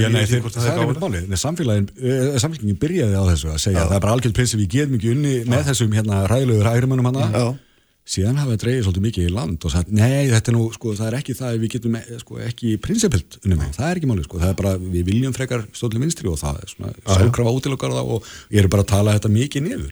Já, þetta var kannski daldi frumhlaup í upphafi. Ég, ég held að þetta er bara óskynsalegt þegar að uh, flokkar fara út í það að útiloka aðra flokka þá eru þeir vanlega aðalega að útiloka eigin möguleika. Og ég menna við þekkjum það að flokkar séu útilokaðir uh, út í hinnu stóra heimi en það er þá yfirleitt vegna að það eru flokkar sem eru bara úti á einhverjum skum kanti eða komin út á honum, ég menna rasista flokkar og annað slíkt. En nú eru píratnir búin að sko, ekki bara segja þetta einu sinni heldur mörgum sinnum að stjórnarskráin er algjört prinsip á þeirra hálfu. Ég meina þeir eru búin að útiloka já, ég? Nei, það er líka góð spurning sko, kannski langar það bara ekki neitt. Ég meina, e- e- þe- þetta er flokkur sem að mynda sem andóshópur og maður sér það núna til dæmis að, eh, sósílistar og píratar eru svolítið að berjast um fylgi og, uh, og það snýst svolítið um það hver mun láta sko, þessa kerfislunga heyra það Ó. og uh, Gunnar Smári er bara svolítið að setja það fram herðið ef ég fer hérna inn sko, ég mun láta það heyra það þið sjáu það Já. uh, og ég meina ég hugsa fyrir marga kjósutu sem eru á þeirri línu að þá bara sýnist að þeir fái meira fyrir peningi þar En það sem er líka gerast í þessari kostningabartu og ég hef skrifað um er að eh, sko hasarinn er vinstramein. Já. Fjörið er vinstramein í íslenski pólitík og aðtíklin er svolítið vinstramein í íslenski pólitík nú um stundir með sko svona þessu pönki sósílista sem, sem er bara hið besta mál vegna þess að ekki vilju hafa pólitíkina leiðilega eða niðurdreipandi. Herðu, ég var pöngari við þóldum þessa hippa típur ekki sko. En sko, hægra megin er svona hóværari pólitík, látlausari pólitík og það minna tekið eftir hinn og kannski mun þetta hafa einhver áhrif, það er vel að merkja bara sex dagar til kostninga og aðtiklinn er svolítið vinstrameinir pólitíkinu vegna þess að, að þar hafa verið sterkustu yfirlýsingar, það er mesta fjörið. Og uh, ég hef á tilfinninguna núna síðustu dagan fyrir kostningar þá muni hægrið aðeins vakna til lífsins og uh, ég á nú vona einhverju skítabóm. Já, en Já, hvað er ekki, ekki, Gunnar... ekki á ég vona að nefnum skýtabámi ég, hérna, maður er vanur því fyrir Áttu vona því að engar falli? ekki smáli skipti, þetta er orðið og seint fyrir að fyrsta efminn alltaf verður að koma einhverju sko almennilega framfæri en þarfur utan, ég meina, eini ávanningur sem maður heita slíku e- eru þú veist, tiltrúlega gömul mál og óspennandi og mm. ef maður er að reyna að óta þeim með nafnlausum brefum með eitthvað svo, þú veist, hefur að gerast er það að fara hann á flugi ég, ég leið mér Það að hefur draga aldrei gert á Íslandi raun að vera. Nei, Eða mjög lítið sko. og ég held að, ég held að samfélagsmyndin hafi líka breytt þessu það ekki mikil hitti áhrif. menn strax fyrir Nei, nei. En hvað finnst ykkur um svona hérna, um leðtóana? Er, er, er það, myndi það vera ykkar skoðun óndeild að, að, þarna, að Gunnar Smári hefði svona stól í senunni eða hva, hvað finnst ykkur um, um svona þessa er það Sigur Ingi kannski á endanum eða Ég sko hvað? meina Smári hefur verið svolítið svona á víksl, sko, hann hefur stundum komið inn alveg hérna arkandi reyður og sagt einhverja hluti og fó- fólk verður svona hvert við. En síðan uh, kemur hann uh, sko við einhverju önnu tæki fyrir fram og er miklu mýgri og eða gengi eftir einhverjum hlutum að þá lendur hann átt í vandram og ég meina, mér komið til mér svo óvart að sjá hann var ekki á hringbreyta sem hann og Guðlaug Þór komið saman. Hann var undir. Bara uh, gulli baka Já, já. og, og hérna ég meina, þú veist, gulli Gunnar Smári, einn, sko, einn og sér er hann góður en þegar hann lendir í debatt þá verður hann stundum undir Já, og ég menna, og það sem meira var að hérna, það var ekki, sko, einu sinni farin að örfast, sko, hjartsláturinn í Guðlaug Þór. Hann bara kláraði þetta. já, já. Það að það er ekkert að sko vísin að róa um eitt eða neitt í því. Nei, nei, en sko, sko það líður mörgum stjórnmálafóringum ágætla, ég meina Katrín Jakobsdóttir er nánast óum deildur fórsætsræður, það er vel að sér viki eftir fjögur ár.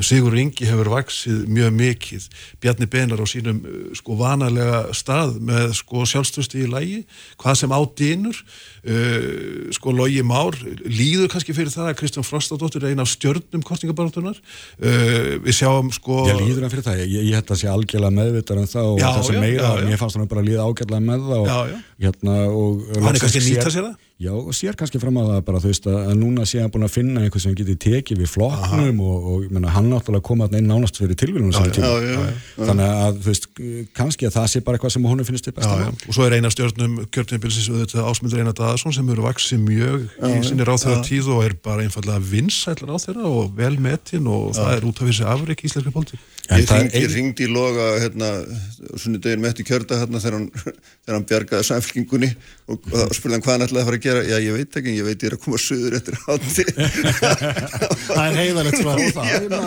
Já, hann tók við floknum því sama dag hvernig þetta já, var. Já, já, ég menna þú veist og hann hefur bara gert ágjalla úr því sem að hann hafði úr að spila sko, það er ekki þetta að taka það já, Mér finnst hann hefur verið fulltrúið sko, hins almenna pólitíkus, hann er ekki sko, hann er ekki mótar á pólitík hann er bara mótar af íslensku samfélag og kemur fram sem slíkur. Mm.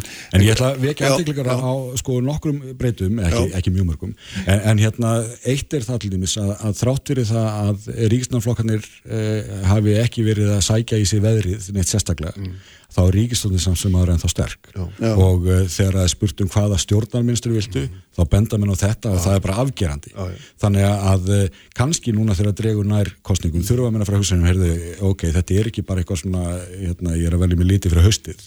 Ég, ég, ég þarf að hugsa ábyrgan en það, en þetta... svo er annað og ekki glemja því að þetta kann að velta ákala mikið á kjörsók. Mm -hmm. Við erum með þessa mörgu flokka sem er í, í sko sumir í bara nánast dauðir í einhverjum kjördæmum nanna stuðnismenn þeirra að fara á kjörstað til þess að kjósa ekki neitt sem þeir vita er ekki mm. eða sitja er heima. Hérna, þetta mun gerast eh, fyrir eh, stuðnismenn margra flokka í mörgum kjördæmum þegar það eru svona margir flokkar þá þeir eru líka það útreiknar að loka um það hver reppi þingsæti og hvort að flokkurum fær þingsæti í þessu kjörtamina hínum með jöfnunamanni eða hvað þetta er. Mm -hmm. Það getur verið ógeðslega flókið. Mm -hmm. Ef kjörsók síðan dettur niður í segjum 80% staðan fyrir að vera í þessum 85% sem við verum vöðan, svona cirka að, að þá getur eitthvað allt annað gerst. Ég meina á hverju mæta það, verða þeir, þeir reyðustu eða svo að þeir yfir sig og, og hérna sleppa þessu. Mm. veist, þetta mun velta á einhverju svona vegna þess að það munar bara engu á flestu þessara flokk Ég hef á tilfinningu að kjörsökn verði góð. Utan kjörsfundar aðkvæða Grísland hefur farið mjög vel að stað og uh, mér finnst sko vera vaksandi áhug núna allra síðust dögum á íslenski politík og, og flokkarnir eru svona höfða til fólks með mjög uh, mm. mismöndi hætti og, og ég held að þetta veri mjög skemmtilega kostninga bara það sem er eftir er. Hvað með, hvað með flokka eins og miðflokkin og Sigmund Davíð sem hefur nú stólið seninu oftar en einu sinni? Hann hefur ekki náð sviðinu. Uh, ávísuna galdurinn hefur ekki virkað allir, allir fá eitthvað í sin, hann, sin hatt hann fann engan þess að rýfast við sig og hann var hendið að nú tíu málum mm -hmm. og þeir eru sumkver ágætt sko. mm -hmm. og, og ég myndi halda bara sumkver nokkuð óum til mm -hmm. eins og með skímanirnir og eitthvað svona sko. Mhm. en, en uh, það var annað sem hann var greinlega vonastlis að einhver fara að rýfast við sig um mhm. en menn biti ekki, þannig að hann náði einhvern veginn, sér ekki að flög þannig og þetta sjáum við enduróma í skoðanagrunum þar sem hann er bara í byllandi fattbárutum með 4,5 upp í 6% en gleymum því þó ekki sko, að skoðanakannar þar mæla misvel og þeir mæla flokka misvel þar hafa allir alltaf ofmeti pírata mm -hmm. þar hafa alltaf ofmeti samfélkinguna örlítið mm -hmm. þar hafa yfirleitt vannmeti sjálfstaflokkinu svona 2% mm -hmm. e, hjá miðflokknum, hann átti sig greinilega verulegt höldufylgi því að fyrir kostningarna síðast að þá fekk hann í kostningunni, ég maður ekki hvort það voru fjögur próstastík sko ofan á það sem hann hefur verið mælst mhm. í síðustu konum fyrir kostningar sem eru yfirleitt frekar nákvæmar og síðan var tekinn konun strax eftir kostingar mm. og þá hafði dóttið aftur um 4% þannig að ja. þar var eitthvað staðar fólk sem var tilbúið til þess að kjósa mm. hérna, en var ekki tilbúið til að segja það í skoðanakonum eða tók ekki símen eða guðma auðvitað hvað ja, Manneski annar flokkur sem er í miklu hættur auðvitað flokkur fólksins Jújú, það er, það er hérna. svona miklu meðversendur sem sá flokkur getur eða uh, farið inn í kostningabartuna á næstu dögum sko hann uh, hefur auðvitað höfða mjög til eldra fólks og uh, það er vissulega fólki sem mætir frekar á kjöstað heldur en yngsta fólki og yngra fólki þannig að við skulum sjá hvað setur en, en uh, hann hefur gert margt gott mm. verið svona talsmaður breytinga fyrir fólkið frekar en fyrirtækin og, og stofnarnir samfélagsins þannig að uh, það fylgi er á hreyfingu og við skulum sjá hvað setur með flokkfólksins. Sko ég held að flokkfólksins eigi vel að geta náð inn tveimum munnum kjörðamikjörnum. Mm. Spurningin svo næran, uh, næran þeim þriðja til þess að geta sópað upp restina fylgi. Já, já. En uh, ég hugsa að ynga sé mjög sennilega örugunni og þeir eru einni manni í söðurínum líka sko. Mm -hmm. En hvað svona, setjum nú svo að sjálfstæðarflokkurinn verði hann í nágrunni við 20%? Já sem er náttúrulega miklu, miklu minna heldur en við áttum allir að vennjast þegar mm -hmm. við byrjum að fylgjast með þessu. Hva, hvað þýðir það fyrir Bjarnar? Það þýðir það fyrir Bjarnar að hann þarf að hugsa sín gang og mjög líklega að uh, axla sín skinn uh, sko, ég tala ekki um að fyrir undir 20% þá er það náttúrulega sögulegt afhróð og Bjarnar hefur ekki náð vopnuflokksins í sinni tíð, flokkurinn hefur verið vel undir eh, meðal fylgi flokksins eh, á undanlunum áratugum og reyndar langt undir því og uh, Er það ekki bara fráleitið samanbröður? Já, ég menn það það er samfélagið hefur breyst en, en einenga síður sko þá hefur uh, sjálfstæðarflokkurinn lengst að verið burðast ekki í íslenski politík og hann er það ekki lengur og, og það er náttúrulega sko skelvilegt fyrir fasta fylgi flokksins þá sem trúa á þessa einu stefnu og aðra ekki, aðra ekki. Uh, ég var í kostningasjónapinu 1990 þegar Daví Oddsson þá er þetta borgarstjóri gekkin að Hotel Sögu með 60% fylgir Reykjavík. Þetta er eh, landslag sem er löngu farið. Já, jú, vissulega. Já, já, en ég, ég held að sko eh, ef við erum að tala um 20% talningum fyrir neðana, jú, það, það kalla náttúrulega augljóslega það ekkert bara að hann fara að hugsa sig um, heldur bara, þú veist, hann fara að hugsa um hvað hann að fá sér að gera, sko. Já, en uh, ég held eins að, að ef við erum að tala um að hann fái 22% þá er það erfitt en ekki ómögulegt. Ef hann fær 25%, við talum ekki um hérna fyrir eitthvað yfir það, já, já. þá bara blasir eitthvað allt annað við.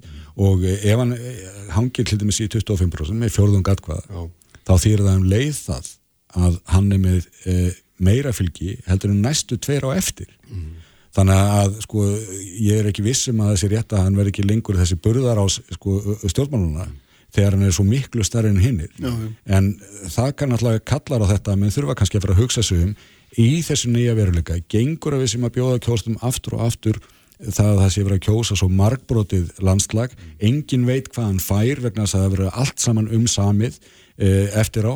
Engin veit í raun og veru hvaða fórustum en e, verða e, hérna fundin fyrir þjóðina, eða þurfa menn að mitt að fara að taka þessa blokka hérna, myndun alvarlega Sumpart er það heiðalegri kostur. Já, Haldur Benjamin sem var í náðan, hann var einmitt að nefna um í hérna í framhjálöpi að sko fyrir tvennarsýstu kostningur það hefði sjálfstæðarflokkurinn mælst með réttum 20 hérna svona örfóðum dögum en fengið síðan 26 og 7 þannig að það skildi nú enginn afskrifa hérna, þú veist þú varst að nefna andris að það er sennilega alltaf vannmetið örlítið er það ekki fylgi hans líka. Íðulega hefur hef verið að verið svo. Já, en þetta verður spennandi hvað sem, hvað sem öðru líður og hérna auðvitað svona hvað þarf Katrín að vera sterk til þess að hún sé hún þarf, að, hún, þarf, hún þarf að vera yfir 12-13% Er það nóg fyrir hana? Já, ég sko, flokkur sem er að koma úr ríkistjórn eftir erfiða tíma hann getur svona una við 12-13% Þetta er alránt Þetta er hérna, Þó svo að hún fái bara slett 10,5% mm. það breytir stöðu hennar ekki neitt. Nei. vegna þess að hún er, er ákveð sko í lín og mann hafi séð hvernig hennar verkstjórn virkar. Hún virkar mjög vel. Mm. eða þeir gætu ekki mynda ríkistjótt með sjálfstæðarflokknum af, af bara sko upp á það að geta tala um sitt eigi flokksfólk án þess að þetta verði gert með þessu Ég held sé allránt við þér vegna þess að ég held að svo maður sem sko hefur flestu spilin á hendi þegar að kostningunum líkur séð mitt Sigur Ingi Jónsson Ég það er alveg rétt að hann hefur flest spila hendi þegar kemur að og svona Hann getur hort til fleiri áttaheldur en Katrín okkur sinnum og, og þegar menn einblín á Katrín Katrín horfði nú alveg bara yfir til hægri síðast það er nú ekki hægt að horfa á fleiri staði sem ég Ég held að sko Sigur Ingi sé í dauðafæri við að verða fósæðsraður í fjögur ár og hann fái þann, það tækifæri ekki aftur.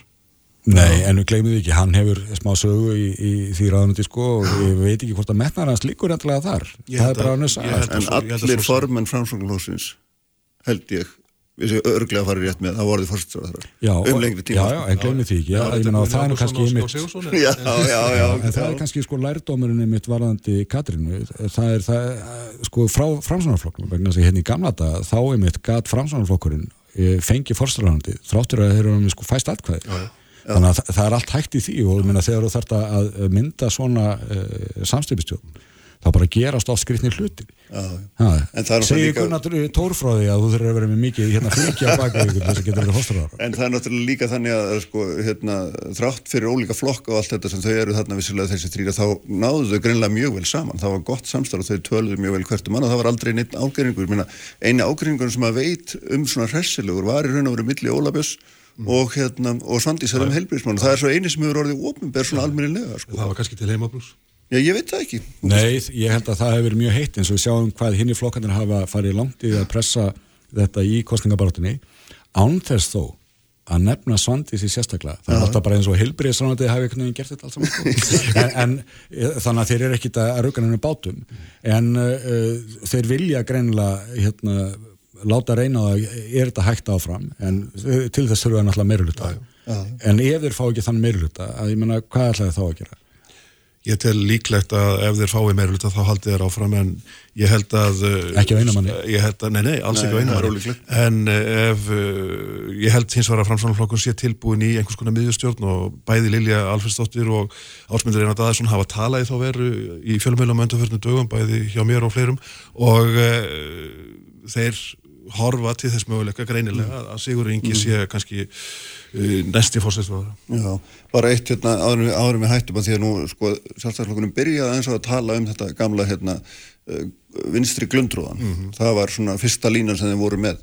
En, en það verðist ekkit svona neitt Já, við höfum hort upp á hægri glundróða líka á síðustu ári, stjórnir hafa fallið með sjálfstæðarflokkin innabáls uh, endurtekið. Ég heldur að, að sjálfstæðarflokkin þurfi ekki að hafa orð á vinstri glundróða vegna þess að við höfum séð bæði hvernig þeir hafa nú verið að rýfast sem er hérna á, á vinstri kantunum, en það er líka að koma upp svona vandramál eins og hjá Pírötun sem að, að sagði við erum svolítið yfir þessar deilur hafinn hérna, við erum bara að tala í málöfnum og og við erum ábyrg og reknum þetta allt út sko, og síðan kemur ljósa bara að þau kunni ekki að rekna mm -hmm. og bara smár maður kartið í farin og kann ekki að rekna í flokknu lengur.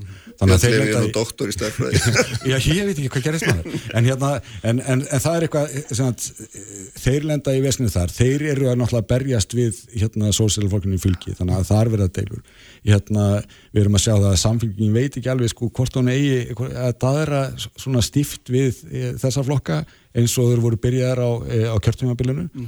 Við sjáum líka einmitt að því að þið nöndu Kristrónur.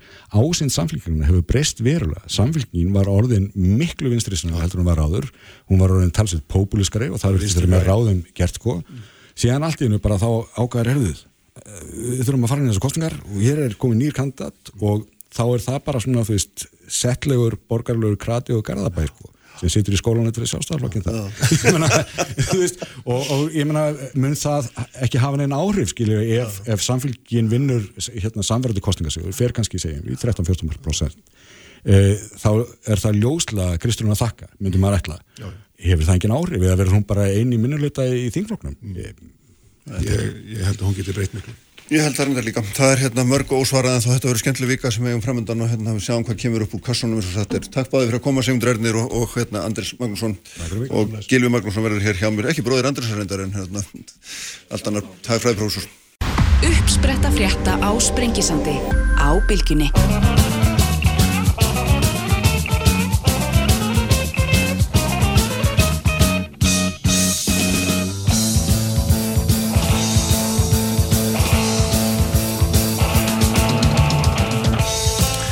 Sælir aftur hlustundur, þeir eru farnir frá mér eh, Sigmundur Ernir Rúnarsson og Anders Magnússon. Eh, vorum að rækja rökraða hér stöðuna í kostningabaratunni kannanirna sem er í gangi og svona hvað við sjáum í, í spilanum og hérna það er auðvitað að það er spennandi vika framöndan hvað sem öðru líður. Og eitt af þeim málum sem að svona hefur verið ofarlega bögi í, í hérna þessari kostningabaratu og reyndar auðvitað daldinn tíma er auðvitað svona er aðbúnaður eldra fólks á Íslandi að maður getur orðað svona bara almennt tala og þá er við bæðið að tala um hérna, þá sem eru á hjúgrunarheimilunum eins þá sem að þurfa að dvelja inn á súgráðsum við erum líka að tala um uh, eldri borgar almennt svona tekjur þeirra kjör og, og svo ekki sérstaklega, ekki síst í ljósi þess að við vitum það að hlutfarslega fjölgun eldri borgara er fyrir dyrum og Gilvi Magnússon er hérna hjá mér professori Hagfræði, velkomin Gilvi við erum alltaf báðir miðaldra menn þannig að við erum að segla innan hóp.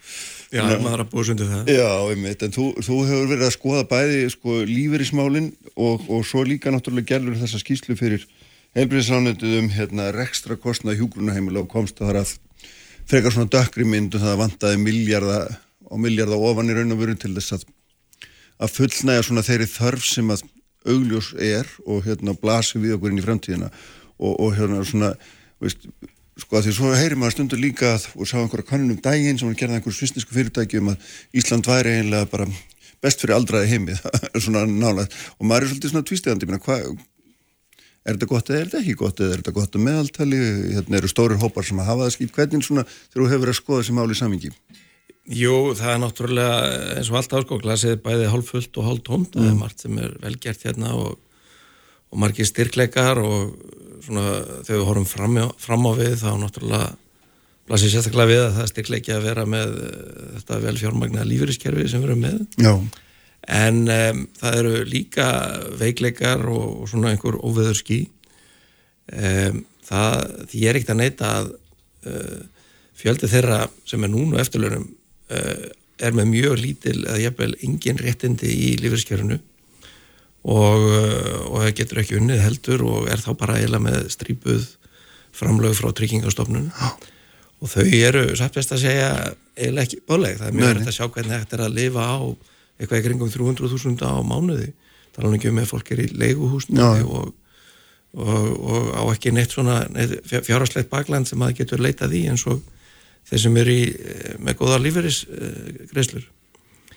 Þannig að, að, að það er eitt og svo, eins og nefndir áðan, þessi skýslaði sem ég styrði vinnu við gerða á um hjógrunarheimilin til ljós að fjárfránlög til þeirra eh, eru mjög fjarið því að duga fyrir ekstra kostnæði mm.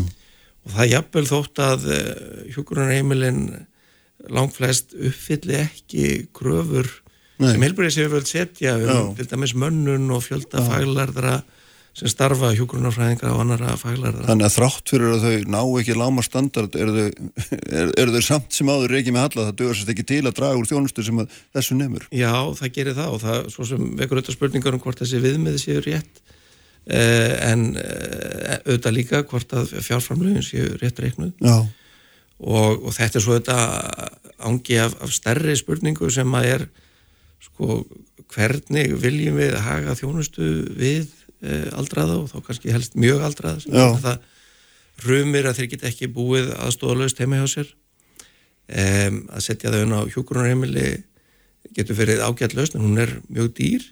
Fyrir suma er hún kannski eina lausn sem kemur til greina en það er líka örgulega stór hópur sem að, að gæti frekar búið heima mm. með aðstóð e, heima þjónustu alls konar og, og annar aðstóð fá mat heim til sín og svo framvegis um, og, og líklega erum við sem samfélagi ekki að stiðja nógu mikið við þann hóp Nei.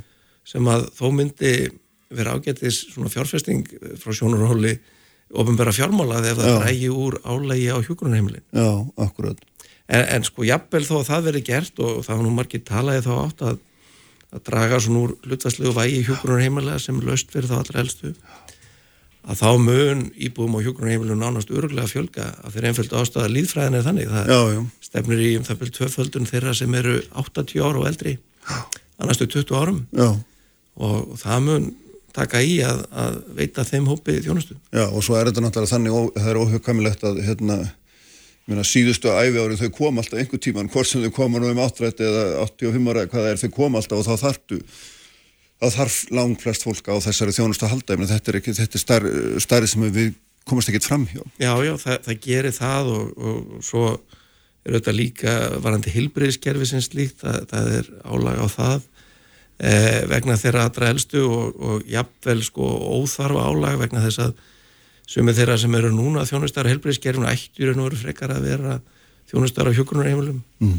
og það veldur þá auðvitað vandræði með rými og starfsfólk á hjókunarheimilunum og, og, og, eh, nei, og heilbreyðistofnunum, sjúkrófus og maðurum Já, en eh, sko þarna, þessi, þetta gap sem þú sást þarna fannst þér svona, ímyndaður þetta væri svona mikið eða ég held að þetta væri minna eða hvernig svona þú hefur bara hlusta á þessar umræður og sjálfst eins og ég sko, koma að ímynda sér alltaf að þetta sé rísastórt en ég veit ekki hvað, hvaða svona hlutfall maður að horfa á í því samingi sko Nei, ég hef þetta eins og það er eh, fylgst með umfjöllun og gaggrinni þeirra sem að reka þessi heimili og, sveitar uh, forsvarsmanna sveitarfélaga sem eru með mörg þeirra á, á sinni konu þannig að það kom ekki óvart að, að það væri uh, fjárhastlegu vandi. En hann var kannski stærri en blasti við og það kom meðal annars í ljós að, að hluta af því má rekja til bara til til að nýlera breytinga þar sé kjara samlinga sem voru gerðir 2020 mm. og uh, þeir fóli í sér verulega kjara bót fyrir uh, láluna fólk sem eru auðvitað hefð besta mál en reikningurinn lendir að hluta til á þeim sem að reyka hjókurunheimili vegna að það er svo mannaflsfreg atvinnugurinn og mikið af fólkinu er einmitt lánunum fólk þess að þeir ófæglærðu eru ekkert sérstaklega háan launum og þegar að laun þeirra voru hækkuð og síðan gera breytingar á vinnutíma mm.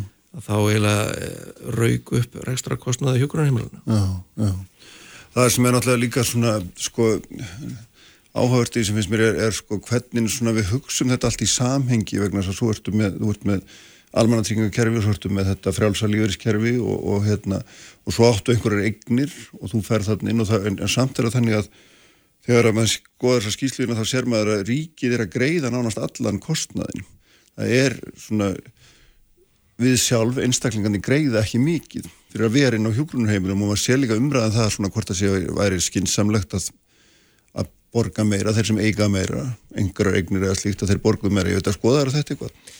Jú, það, þetta var aðeins skoða, þetta er alveg rétt þeirra að uh, greiðslur íbúana standa undir mjög litlum hluta heldakostnaði við reksturinn.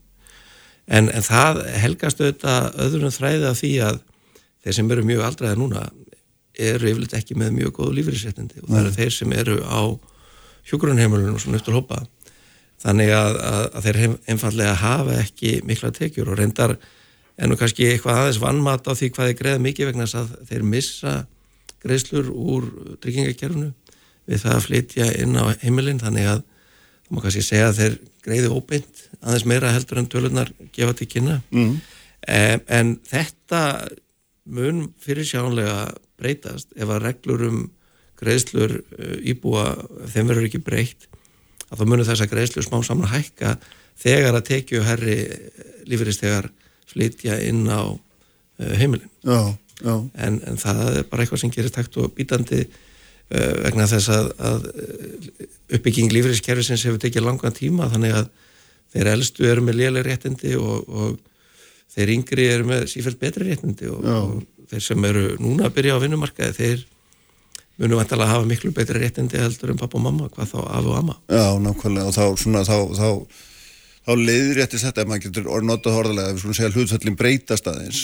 Jú, þau munu breytast og, og það mun hafa áhrif á, á fjármagnum þessara hjúkurunheimila ef að reglunum verður ekki breytt en það er svo sem líka spurning hvort að það er eðlilegt að, að, að rukka mjög háar uppæðir af þeim sem eru tekju háir það getur jafnvel verið svo stað að einhverju sé að borga er einhverju meir en myndi kosta það á að halda heimili sjálf. Mm, já, en þetta er líka áhugavert vegna að í sko bara svona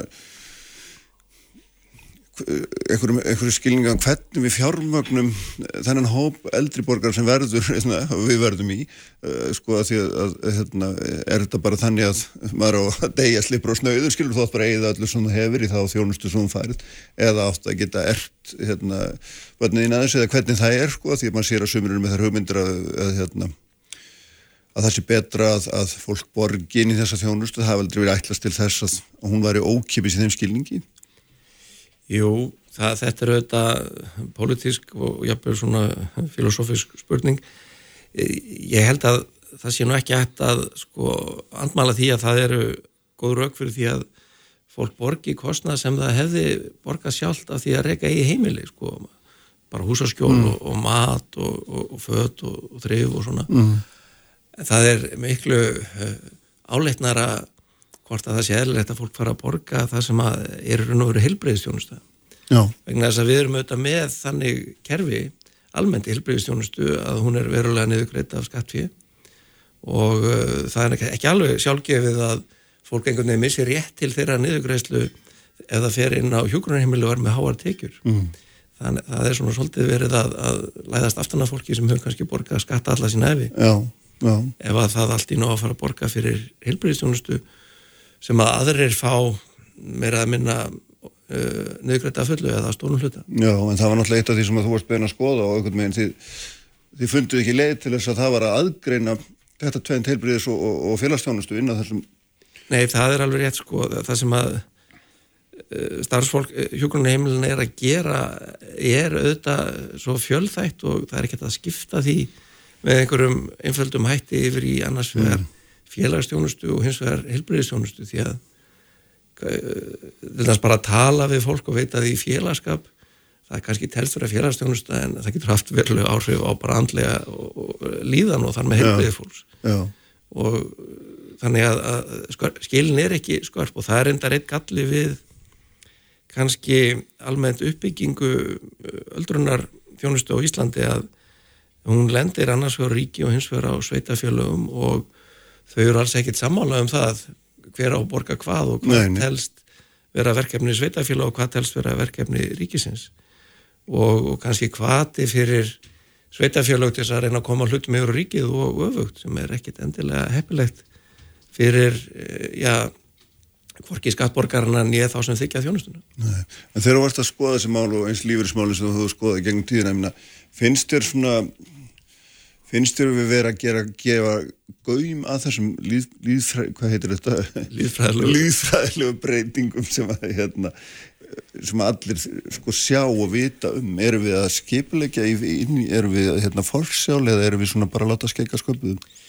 Við erum aldrei að láta skeika sköpu það er auðvitað fullt af fólki sem að hugsa um þessi mál, í lífeyriskerfinu sem að hugsa mm. ekki um neitt annað en uh, stærstu hluti landsmanna hugsa lítið um þetta og, og flestir hugsa kannski voru lítið um lífeyrismál til dæmis fyrir en þeir eru svona farin að nálgast eftirlíf þeir segja mér þeir sem starfa í lífeyrissjóðunum að þeir sjá eiginlega aldrei e, þá sem að greiða í sjóðuna e, fyrir en þeir eru komin á sjötusaldur nema þegar þeir taka lífeyrissjóðsland og þá fara menna svona huga að framtíðinni en Já. það eru þetta allt og sent að breyta einhverju verulegum sín kjöru á árum þegar að þú ert komin undir endan á e, starfsæfni. Já, en svona held yfir sko þarna samfélagið sjálft, er það undirbúa syndur og hvað þarf að gera til þess að það geti svona svara þessari þörf sem að sko augljóslega verður?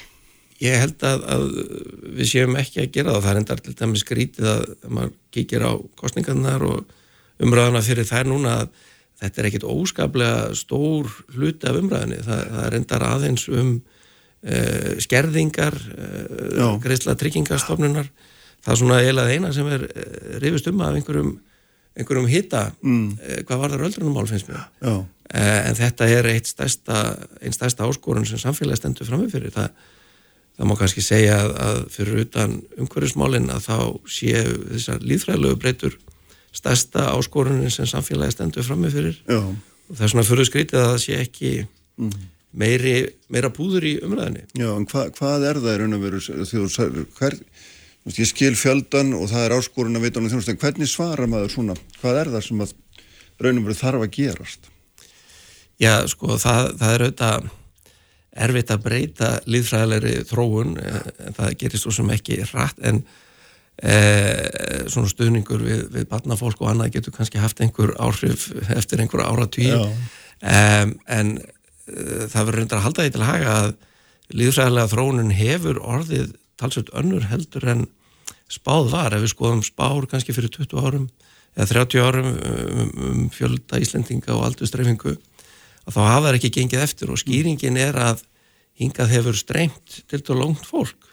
Þannig að innflytjendur eru upp til hópa til þú lungir kannski á 30 aldri eh, svona aðeins eða 30 kannski sumir og örfá börn sem komum með þannig að þetta er fólk sem er að byrja starfsfélaginu svona nokkurnu einn og jafnvel á eftir að eignast börn þannig að þetta hefur verulega áhrif á aldustreifingu mm. þjóðarinnar. E, og er eiginlega það eina sem getur breytt henni e, mjög hratt. Og þar hefur fólksfjöldin breyst mikið, e, það er mjög stór hluti þjóðarinnar sem er orðin fættur í útlöndum núna, miklu starri heldur en hann var eh, hvað ég var að segja 1990 áður en að landamærin voru opnuð með EE-samningnum en þetta er nú kannski ekki laust á lífræðilega vanda sem hægt er að treysta á Nei. og þetta eru að hluta til að færa hann til landfræðilega, við mingum hann hérna en hann verður þá verri í Bólandi eða Ístrasallöndunum uh -huh. Mm -hmm. En hvað, svona ef maður horfar á heldamyndina ríkir, hvað, hvað þarf þið ofinbæra að gera til þess að mæta þessari, þessari áskorun? Þarf einhvern meina að grípa til einhverja róttakrar ástafn, endur skipilega með einhverjum hætti einhver kerfið, eða hvað, hvað er það í raun og veru sem hættir að gera til þess að Sko það, það er auðvitað hægt að gera breytingar á, á lífeyriskerfinu og, skattkerfinu og tryggingakerfinu og öðru slíku. Það, það breytir eins og er ekki miklu en þá staðrænt að það verða hlutvarslega ferri á vinnumarkaði Já, að sinna þeim sem eru aldraðir. Uh, eina breytingin sem að myndi breyta því er eiginlega að hækka eftirlunaldur og hafa fólk lengur í vinnu. Já. sem að eh, er auðvitað sumleiti góð lausn, það eru leiti umdelt og, og sum er kannski mjög ósáttur við það að þurfa að vinna lengur heldur en þeir gerður ráð fyrir. Sveigjarleg starfslokk eru kannski mildari leið og, og sumuleiti betri. Það er ekki þetta fyrirstöðu að fólk sem er komið á ellilegan ellilífris aldur eins og hann var einhvern tíma skilgrendur að það verði hlutastarfi eftir það og kerfi sem að hvetu til þess bæði bótakerfi og lífriskerfi og skattkerfi geti verið svona skref í, í, í þá átt að minka þennan vanda sem að við sem samfélag munum standa fram með fyrir vegna Já. þessara lífsræðilegu breytinga Já, þannig að hérna þannig að þurfum að auka að auka sveigalega þannig að fólk getur hérna svolítið stýrt sínum eigin starflökum í það við hvernig bara hérna sjálft svona Já, það verður svona að vera eiginlega eh, svo leið sem að, að þarna ætti að vera tildulega sásauka lítil og, og ætti að vera að ná sátt um aðra leiðir eins og bara reynilega að, að senka almennt tökku ellilíferis, það er, eru þau miklu umdeldari Já. og kannski politíst og jafnvel lögfræðilega er við það því að Já. ef fólk er búið að vinna sér inn einhver ákveðin réttindi Já. þá er hann kannski ekki löpað því að taka þau bara af þeim með valdbóði, það er ekki víst að það myndi standast stjórnarskrá. Nei, þannig að það er hérna það er eitt og annað fyrir höndum. Já, þetta, sé, þetta verður einstasta áskorun samfélagsins næsta áratíu, hvað sem líka betur að vera algjörlega fyrir sjánlega Já, nákvæmlega. Takk fyrir að koma Gilvi og hérna við skulum síðan hérna fara hér á eftir í mentamálun meðan og Ragnari Þóru Péturssoni frá frænandi formann í kennarsambandsins. Takk aftur Gilvi Uppspretta frétta á Sprengisandi á bylgunni Kraftmikil umræða alla sunnudasmórna Sprengisandur á bylgunni Særi hlustendur, uh, Gilvi Magnússon, professor fannin frá mér eftir umræðu um, um já, lífeyrismál, uh, fyrirsála öldrunum þjóðarinnar og hérna, allar þær áskorunir sem við blasa og reyndum að tengja þetta aðeins svona inn í þessu umræðu sem er í samtímanu núna og í kostningabarátunum um, um hvernig þessum málum verður best fyrir komið inn í næstu áratvína. Nú, það er svona sem að svipnum tókaði, mér stóðst svona ekki alveg óskilt, það er hérna, er mentamálinn, uh, Ragnar Þór Pétursson sem er formadur kennarsambandsins er sestur hérna hjá mér, sætla blessaður Ragnar og velkomin Takk. sko það sem hérna mér finnst áhugavert er að, er að stjórnmálflokkar núna og, og, og ekki bara núna heldur undan farin ára þetta er mikið að tala um nýsköpun það á að vera líkillin að framtíð okkar og á bakvið þetta orð nýsköpun þá er náttúrulega líka sem sagt liggur orðið mentun því að all nýsköpun byggir á mentun hún er meirið að minna hvort sem hún er inn í eldri fyrirtækjum eða nýjum. Og hérna en svo þeir eru komið í kostningabartuna og, og þá er eins og mentamál sé bara ekkert til umræðum þau eru nánast, eða ég, mér finnst það ég, hvað, hvað finnst þér sjálfum sem, sem manni úr mentakerfinu finnst þér eitthvað um þetta að tala? Hvernig, og, og hvernig er svona slæðið staðið þig? Ég, ég held að það væri eitthvað óðurlegt ef, ef að við værim ekki að ræða um nýsköpun vegna þess að við stöndum einfallega bara sem heimsbyggð og líka sem samfélag fram með fyrir áskorun sem við vitum við þurfum að leysa, við vitum ekki hvernig við ætlum að leysa þér þannig að, þannig að sjálfkrafa kannski stýrist inn pólitíska umræði þennan farveg þegar mann hafi ekki lausninar mm -hmm. og mér finnst svona persónlega kostningabaratan hafi verið svona þetta er fyrst og fremst búið að vera svona þar sem að mann reyna að leggja upp eitthvað nýttið og sniðut sem er líklegt til að hitta í mark hvort sem það er að borða hakk á steini út í náttúrunni eða, eða finna eitthvað krútlegt slagord sem, mm. sem á endanum vinnur fólk til fylgis við flokkin og og svona eftir samtöl mín við stjórnmálum því að við höfum átt í miklum samtölum við frambjóðundur og fullur á flokkana þá gruna mig að, að það sé bara hreinlega þannig að tími töfralausna í mentamálum hann er dál til liðin mm -hmm. svo er mér átt sér stað fyrir bísna löngu síðan hér í íslensku samfélagi og var engi skortur á henni þá nú þarf alvöru lausnir í mentakerfinu og þær eru ekki endilega uh, talda líklegast til, líklegasta til árangust þannig að til að fá einhver alveg umræði þetta þá þarf að tóka hana fram, hún Mhm. kemur ekki að fyrrabræði þetta er svona eins og þetta blasir við mér Já, já. Og þið, finnst þér þetta að vera, hérna, þú myndir lýsa þessu sem skort á umröðum eða, eða, eða vöndun á umröðum Ég myndi þennan lí- mikilvægar málaflokk eða hvað finnst þér? Er þetta bara ekki rétti vettvangurinn, kostningabarta fyrir... kostningabaratan er pínu snúin og mér veistu standa núna ég, sko, það er mikil spenna fyrir okkur svona sem erum pólitísk dýr og hefum gaman af kostningum og ég er nú, er nú pínu ágjör af því að það sé að vera daldið enga sport miðaldra fólks. Að, hérna, en fyrir okkur þá getur kostningabaratan núna þróast eiginlega á, á þrennan veg hún getur orðið uh, skítugri og, og, og gíslegri og heðaleg og, hérna, og, árásar, árásar politík sem, sem svona, svona einhvern veginn bublar undir að hefum vona einhverju slíku. Mm. hún getur orðið ennþá yfirborskendar en hún er og fari bara að snúast um það hver, að við fyrir bara að tala um þetta nánast í þátti hver var með flottustu kostningabaratuna og hvaða leitói kom mest á óvart og, og svo. Eða það getur komið fram raunverulega eftirspurn eftir aðeins dýpri umræðu um kjarnamáls og ég vona að þetta við fáum hana og slík, slík pólitísku umræða er alltaf mikilsvirði en hún þarf líka að halda áfram eftir kostningar Já. og mér hefur svona fundist pínlítið að, að þau sem að þó hafa stöðlað að umræðu um mentamál svona úr henni pólitíska litrófi um, þau hafa dálítið verið bara að taka klísjur út úr skápnum. Bara fjögur ára gamla klísjur sem, sem að voru notað þá og jáfnvel fjórum árum fyrir það líka. Staða og, og áskoranir mentakerfisins er ekki þær sömu í dag og þær voru þá. Uh, kannski kannski uh, er þetta einhverlega til jákvætt í því skyni að til dæmis í fyrsta skipti núna hefur alþingi allt sett sér mentastefnu, sett sér ákveði markmið um þær áskonar sem við stöndum frammi fyrir í mentamálum og, og menn ætla að vinna það áfram þannig, vinna þetta bara áfram í faglegu, heiðalegu pólitísku samtal og reyna að ná sátt um það. Ef það er ástæðan fyrir því að menn er ekki að tóast á um þetta, þá er ég bara gladur. En mentastefna verður aldrei til inn á alþingi, hún verður aldrei til í kennarasambandinu eða inn í kennaraháskólanum eða í mentamáraðundinu. Hún verður aldrei neitt nefnum hún fái vangi og verði eitthvað sem við tölum um í samfélaginu öllu og það þarf að tryggja að það gerist, hvort sem það er í kostningabaráttunni eða eftir kostningar. Já, að því að maður hefði í grunninn haldið að sko mentastefna eða, já, það, það væri í kjarnin sinni mjög pólitískt mál.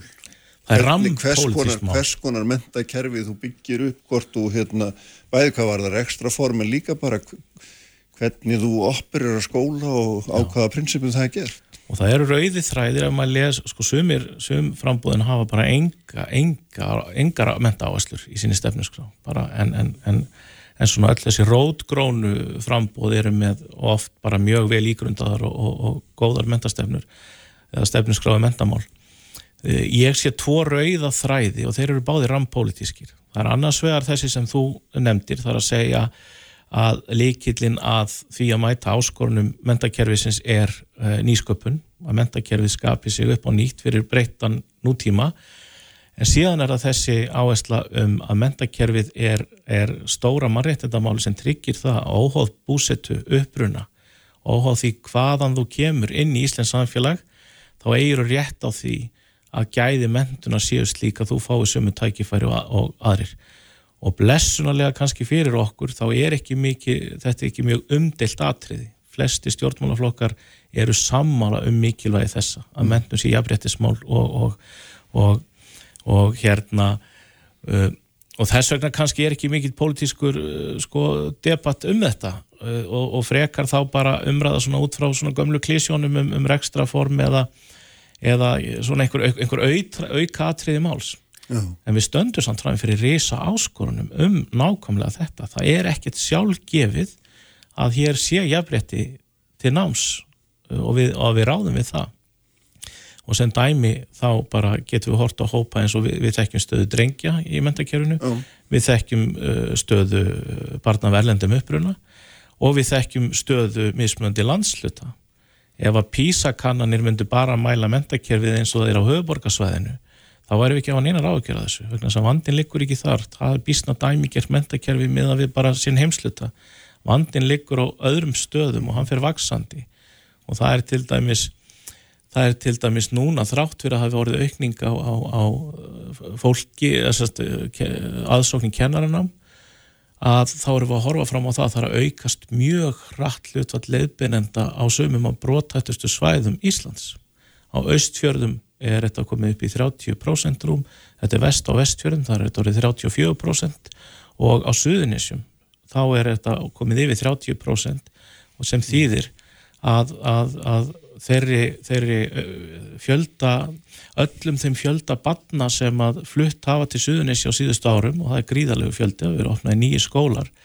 Það er ekki bæst við neini nýjir mentaðir kennarar til að taka á mótið þessum bönnum og standa með þó þarna frammi fyrir sumum af þeim áskorunum sem mikilvægast að við setjum okkar hæfasta fólki að leysa þannig að þetta er gríðalega pólitíst mál og alvöru mál mm -hmm og, og, og þetta verður að leysa og þetta verður líka að ræða upp á borðum ekki bara innan kervana sem eru sannlega að gera sitt besta. Já, akkurat, þannig að það er gömulsaga eða þetta er endur tekið sem gömulsaga um það að í raun og veru er mentakerfið eitt helsta byggðastefnum kerfi okkar, það er bara eins og hérna það hefur grunn alltaf verið. Já, já, þetta er bara jarðvegurinn sem hver kynsluð sprettur upp úr og ef að jarðvegurinn er, er skemdur eða, eða hérna e, býður ekki upp á nægilega góð vakstaskilirði þá gerist ekkert annað en að það verða til félagslegu vandamál sem ég vil eru varanleg og við, við þurfum ekki að horfa til mm. annar að landa til þess, við bara, við bara þekkjum okkar eigin sögu í þessu.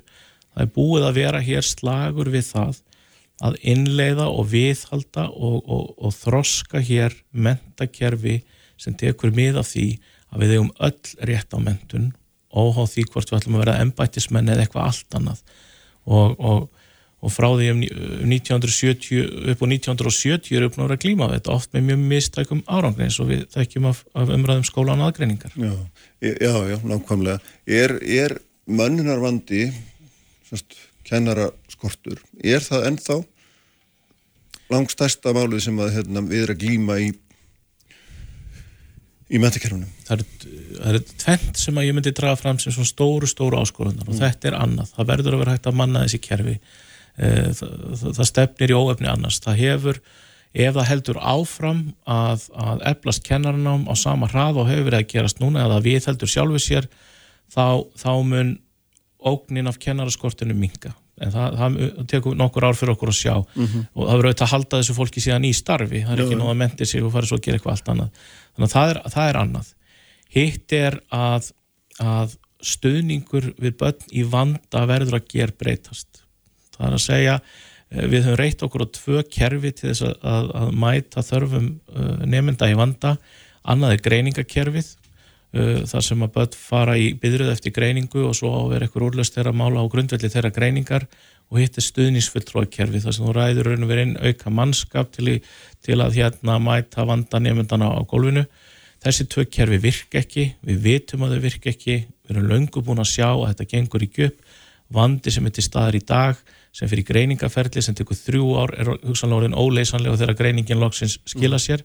Þessu verður að breyta og þarna blandast inn í uh, uh, hlutverk til dæmis samspil kerfa, þarna blandast inn í samskipti ríkis og sveitafélaga sem eru bara mjög skemmt, ætla ég bara að lega mér að segja uh. og bara kerfis áhætta sem, er, sem bitnar að menta kerfinu og við séum líka í öldurna þjónustunni og málunum fallara að þetta er bara samband sem er ekki heilbrygt og, og, og, og það sem stendur í skugganum af því nær þess vegna ekki að blómstra með réttum hætti. Eh, það hafa orðið framfara á þessu sviðum, nú eru málefni barna orðin samiðlega mál ráðunettana, það er komið barnamála ráð þeirra, það er í mentastefnu, aðgerra mentastefnu að búa til heilstætt stuðnískerfi fyrir skólana, þannig að og við, við, við stegum eitt gæfu skref, uh, það var Ítluði Gunnarsson sem sett í gang svona sjálfsaríni á því af hverju þetta væri ekki að virka. Mm þeirri sjálfsynni laug uh, í, í ráþeira tíð uh, Lili Alfredsdóttur sem að síðan hefur runnið áfram á þeim grunni og við höfum fengið alþjóðlega stofnun til að koma og meta með okkur hvað, hvað er ekki að virka og það er verið að hrinda til framkvæmda síðan úrbota tillögum og, og, hérna, og ef það gengur eftir þá getur dreyið úr þessari óknin. Þetta eru samt tvær stæstu áskoðarna mm. sem við stöndum fram í fyrir. Mm. Hvað, hvað hugsaður þegar að sko, verið er að tala um mentakerfi sem svona grunnundir svona nýsköpun í tækni geira til dæmis. Það er mjög mikið um það talað og, og hérna og svo þegar maður sér tölur, samanbyrðu tölur um það þá sést auðvitað við erum að menta miklu, miklu færra fólk eða færra, miklu læra hlutfall nefnda sem fyrir gegnum þessar raungreinar hjá okkur heldur en annar staðar. Og, það er mikið krafa um að mentakerfið eða það, það er eiginlega bara nöðslegt að mentakerfið hérna breyti þessu, getur það gert það? Hvernig, hvernig, að þetta er, ekki, þetta er ekki eins og þetta hafi verið sko, fyrst rætt í gæðir Nei, þetta er, þetta er frábæð spurning og þetta kjarnar mjög mikilvægt uh, atriði. Sko, mentakerfið okkar er óvenjulega hefur aðlagað sig óvenjulega vel að nútímanum sem sést til dæmis í því að Íslandi lokuðu skólar vegna COVID og þá er ég að te tekja út fyrir svega þar sem uppkoma smitt og loka þurfti mm. þess vegna mentakerfið okkar lokaði í einn dag, einn mánudag. Þar sem í raun og veru bara þau skilabók komið frá stjórnvöldum nú stöndum við frammi fyrir hérna mjög stórum vanda sem við vitum ekki hvernig minn þróast og nú þurfum við að byggja ykkur hér í öllum skólum landsins að finna leiðir til að mæta þessum vanda. Og við lokuðum einn mánudag og gáðum starfsfólkinu til að setjast niður og halaða sig. Skólakirfi okkar lokaði ekki meira nema í tilfelli smita.